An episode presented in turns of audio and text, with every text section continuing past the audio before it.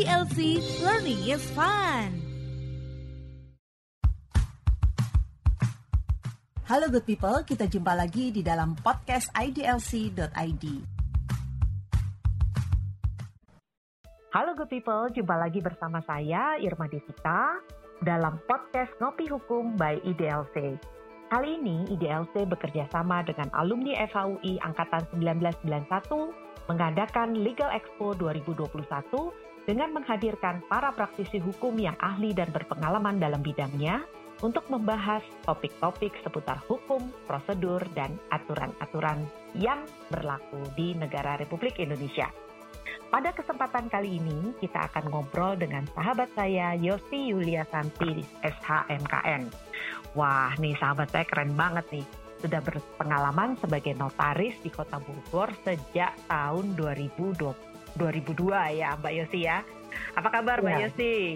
Baik, Alhamdulillah, sehat ya Mbak Yosi. Nah, alhamdulillah. Alhamdulillah. Nah, kali ini nih kita mau ngobrol tentang topik jual beli kalau sudah terjadi perceraian. Wah, ini banyak banget nih teman-teman kita yang kurang paham nih Yosi tentang gimana kalau misalnya saya udah cerai nih, terus Mhm. kemudian hmm, saya harus menjual tanah saya, terus kemudian hmm, saya nggak mau suami saya ikutan. Itu gimana tuh Mbak Yosi? Heeh. Kebanyakan klien semua pertanyaannya itu. Nah, itu dia dijual, tuh. Itu Tapi penting banget. pasangan jangan ikut campur lagi. Nah, itu penting banget Nah. tuh. Apalagi kalau udah musuhan gitu ya, udah cerai, udah musuhan Oke. gitu kan. Nah, terus gimana tuh jadinya? Di kota Bogor Mm-mm. itu pada umumnya sih sama sebenarnya, tapi Mm-mm. karena saya berkecimpungnya di kota Bogor, Mm-mm. kalau misalnya terjadi seperti itu, biasanya BPN minta syarat Mm-mm. eh, tetap harus terlibat pernyataan Oh. dari si mantan suami Mm-mm. uh, yang menyatakan bahwa dia melepaskan atau tidak akan ikut campur atau Mm-mm. menyetujui penjualan Mm-mm. tersebut dan surat Mm. tersebut harus ditandatangani di atas meterai dan dilegalisasi notaris. Waduh, misalnya kalau Hmm. misalnya orang itu, aduh, misalnya kayak kayak gue nih, gue bilang, aduh, suami gue nih udah nggak tahu di mana letaknya, suami gue hilang gitu kan? Bisa nggak sih, Mhm. eh, sih kalau misalnya dia ngomong bahwa suaminya hilang gitu kan, terus ya, dia jual tetap maksa, ini udah lima tahun nih kita nggak kontak, terus tiba-tiba kita mau mau jual, masa iya terus eh, kita nggak bisa apa jual punya kita sendiri sertifikat atas nama kita gitu loh. Nah itu Mhm. gimana tuh sih? Eh, teorinya nggak bisa. Hmm. Jadi ada putusan dari pengadilan yang menyatakan memang Mm-mm. hilang tidak ketemu Mm-mm. dan lain sebagainya. Berdasarkan itu bisa dilakukan penjualan.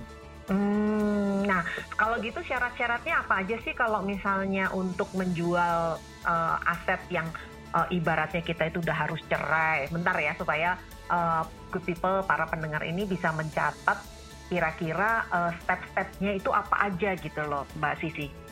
Sebenarnya sih kalau misalnya, mohon maaf ya, kalau cerai itu Hmm. kadang sudah tidak ingat aset, yang ingatnya itu cerai aja gitu kan. Benar, benar, Ah. benar tuh, benar tuh. Harusnya ketika Mm-mm. cerai itu dibahas aset-aset Mm-mm. yang selama dibeli di dalam perkawinan. Hmm. Kemudian, Hmm. Ah, mana bagiannya, mau bagian suami yang mana, bagian istri yang mana gitu. Nah, iya, iya. Dan Hmm, hmm, itu hmm, di ah, apa ya istilahnya dicatatkan ketika Hmm. perceraian. Nah, di iya, iya, iya, iya, Jadi iya. nanti tuh ada catatan dari pengadilan. Berdasarkan itu, maka ketika melakukan penjualan cukup melampirkan eh, surat yang dari pengadilan itu, itu sudah tidak memerlukan mantan lagi. Oh, sangka jadi, itu- jadi beda ya sama akte cerai biasa gitu ya Mbak Yosi ya? Eh, biasanya itu eh, disebutnya itu catatan yang melekat begitu ya. Mm-mm, Beda memang cerai biasanya kan sudah langsung putusan gitu ya. Ini ada Mm-mm. lembaran terpisah biasanya. Mm-mm. Oh, jadi kalau misalnya kita bercerai, eh, Hmm, saya sebaiknya pastikan lagi kita harus Uh-huh. bikin eh, suatu perjanjian atau kesepakatan atau pencatatan gitu ya bahwa Iya, memang jadi Uh-uh, harus gimana lapor Mbak? ke pengadilan, harus Mm-mm. lapor ke pengadilan. Kami Mm-mm. sudah sepakat uh, berdasarkan ini yang mana bagian mantan suami, mantan istri nantinya ini Mm-mm, nanti itu dicatatkan. Nah, nanti berdasarkan itu ketika penjualan tidak memerlukan pasangan lagi. Oh, oke oke oke oke oke. Jadi kalau misalnya cuman pakai akte cerai aja, kita tetap harus ngelibatin pasangan kita di Betul, dalam selama, penjualan gitu ya. selama harta gono gini. Hmm, oke oke oke. Nah, sekarang gini, yang agak bingungnya nih, eh, sih kalau misalnya ya sih, eh, menurut Sisi kalau misalkan aset itu pada waktu sebelum nikah itu yang beli DP-nya dari kita gitu loh sih. Nah, DP-nya misalnya harga KPR-nya eh, nilai-nilainya nilainya sorry lah nilainya taruhlah 500 juta. Mm-mm. Eh, 100 jutanya itu dari kita, dari uang-uang kita kerja sendiri gitu loh misalnya. Nah, dari dari gue kerja sendiri terus di- dibayar untuk 100 juta, tapi yang 400 juta itu dicicil selama perkawinan. Nah, itu kan jadi bingung ya sih ya. Itu masuknya sebagai harta bawaan atau harta bersama ya, eh, sih. Nah, kalau ada kejujuran berarti harta ada harta bawaan dan harta bersama. Tetapi kan oke. secara yuridis BPN tidak melihat itu, BPN hanya melihat tanggal di sertifikat. Oh, oke. Kalau di balik Maksudnya- namanya itu sebelum perkawinan tercantum tanggal di sertifikat sudah balik nama sebelum perkawinan maka dianggap itu harta bawaan.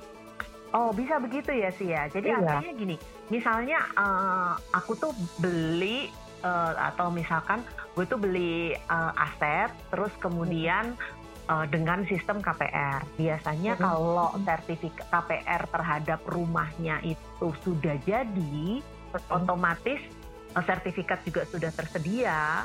Biasanya kan kita eh, langsung bisa AGB, Mhm. baru sisanya bank. Kita nyicilnya kan sama bank gitu kan ya, Iya, ya. iya. Nah, beda lagi, Kak. Jadi artinya jual beli bisa dilaksanakan pada tanggal sebelum perkawinan dilakukan gitu ya, sih ya. Betul. Nah, sedangkan kalau misalkan eh, kita laksanakan KPR untuk perumahan dengan metode Mhm. inden, kan Mhm. ada tuh ya sih ya. eh, sertifikatnya belum jadi, terus kemudian tanahnya bahkan belum dipecah, kita baru bikin, baru tanda tangan eh, surat pemesanan gitu ya, atau Mhm. misalkan baru tanda tangan pengikatan jual beli gitu kan. Nah itu Iya. beda ya sih ya. Eh, nah ini dia. Tapi kan sekarang Mm-mm. sebenarnya dengan peraturan yang baru itu kan harus ready stock ya sebenarnya. Ah, Oke oke oke oke. Tapi banyak eh, pengembang keberatan dengan eh, konsep seperti itu karena sulit ya dalam bisnis. Iya, Jadi tetap benar-benar. aja menggunakan Ah. PPJB dan sebenarnya PPJB bawah tangan malah sekarang itu ya. Oh, Banyak. oke oke. Banyak oke. perumahan-perumahan bagus di Kota Bogor seperti itu. Nanti kalau misalnya sudah jadi baru dilakukan eh, ininya AJB-nya gitu Nah, kan. iya iya iya iya. Ketika sudah mulai ready gitu, baru Mm-mm, dilakukan mm-mm, AJB mm-mm. dan pada saat itu baru eh, Mm-mm. menggunakan bank. Tapi ada Mm. beberapa bank subsidi masih bisa melakukan subsidi ya seperti BTN kan dia bisa. Mm-mm, Cuma mm-mm. bank-bank yang lain sekarang kebanyakannya juga ready stock ya. Oh, oke oke Ah. oke. Nah, tapi ada beberapa kebanyakan notaris. Kalau posisi yang tadi dibeli DP dengan uang pribadi, pencicilan dalam masa Mhm. perkawinan, mm-mm, nah, terus kemudian dijual, mm-mm, kalau dijual tidak ada masalah, mm-mm, pasti tetap suami dibawa. mm-mm, Biasanya mm-mm. banyak notaris dan BPN eh, overlap. Hmm, Mm-mm. Ya sudahlah, tanda tangan saja suaminya begitu. Apa Nah, iya tanda tangan. benar Dalam daripada bingung begitu. gitu kan. Ah. gue aja suka Begitu. gitu. Kalau misalnya bingung gimana nih gitu Iya. kan. Iya iya iya iya. Kebanyakan iya, iya. di semua notaris seperti itu. Mm-mm, Nah, tapi kan permasalahannya eh, apa banyak juga yang karena gini itu kan hanya cerita itu kan cerita cicilannya itu uang bersama dan itu kan hanya cerita gitu kan. Benar benar. Nah kita kan benar. kalau orang hukum taunya secara yuridis ini ini apa gitu. Kecuali Nah, ada alur uang yang masuk gitu Ah, kan. ah, ah, ah. Nah kalau BPN kan taunya yuridisnya jadinya kapan gitu. betul betul. Kecuali betul. ceritanya akan lain ketika dijual di dalam perkawinan dan posisi mau cerai. Nah itu, nah itu kadang-kadang kadang-kadang ribetnya di situ tuh sih. Kalau Ya. misalnya misalnya memang dijual tapi kondisinya memang uh, mereka masih baik-baik aja gitu tuh nggak masalah Eh, gitu ya. Gak masalah. Nah, giliran udah mau cerai, baru deh ribet Iya, gitu kan. gitu. Nah, jadi di sini mungkin bisa kita pisahkan antara yang beli dengan metode eh, KPR tapi dengan akte jual beli sudah dilakukan di awal Mhm. sama dengan akte jual beli yang dilakukan di akhir gitu kan ya, Tia. Iya.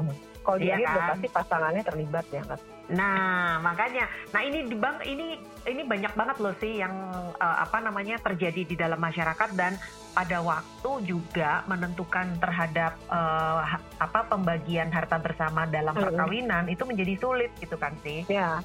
Nah, Akhirnya iya, kan heeh. kembali lagi kita kejujuran para pihak kan.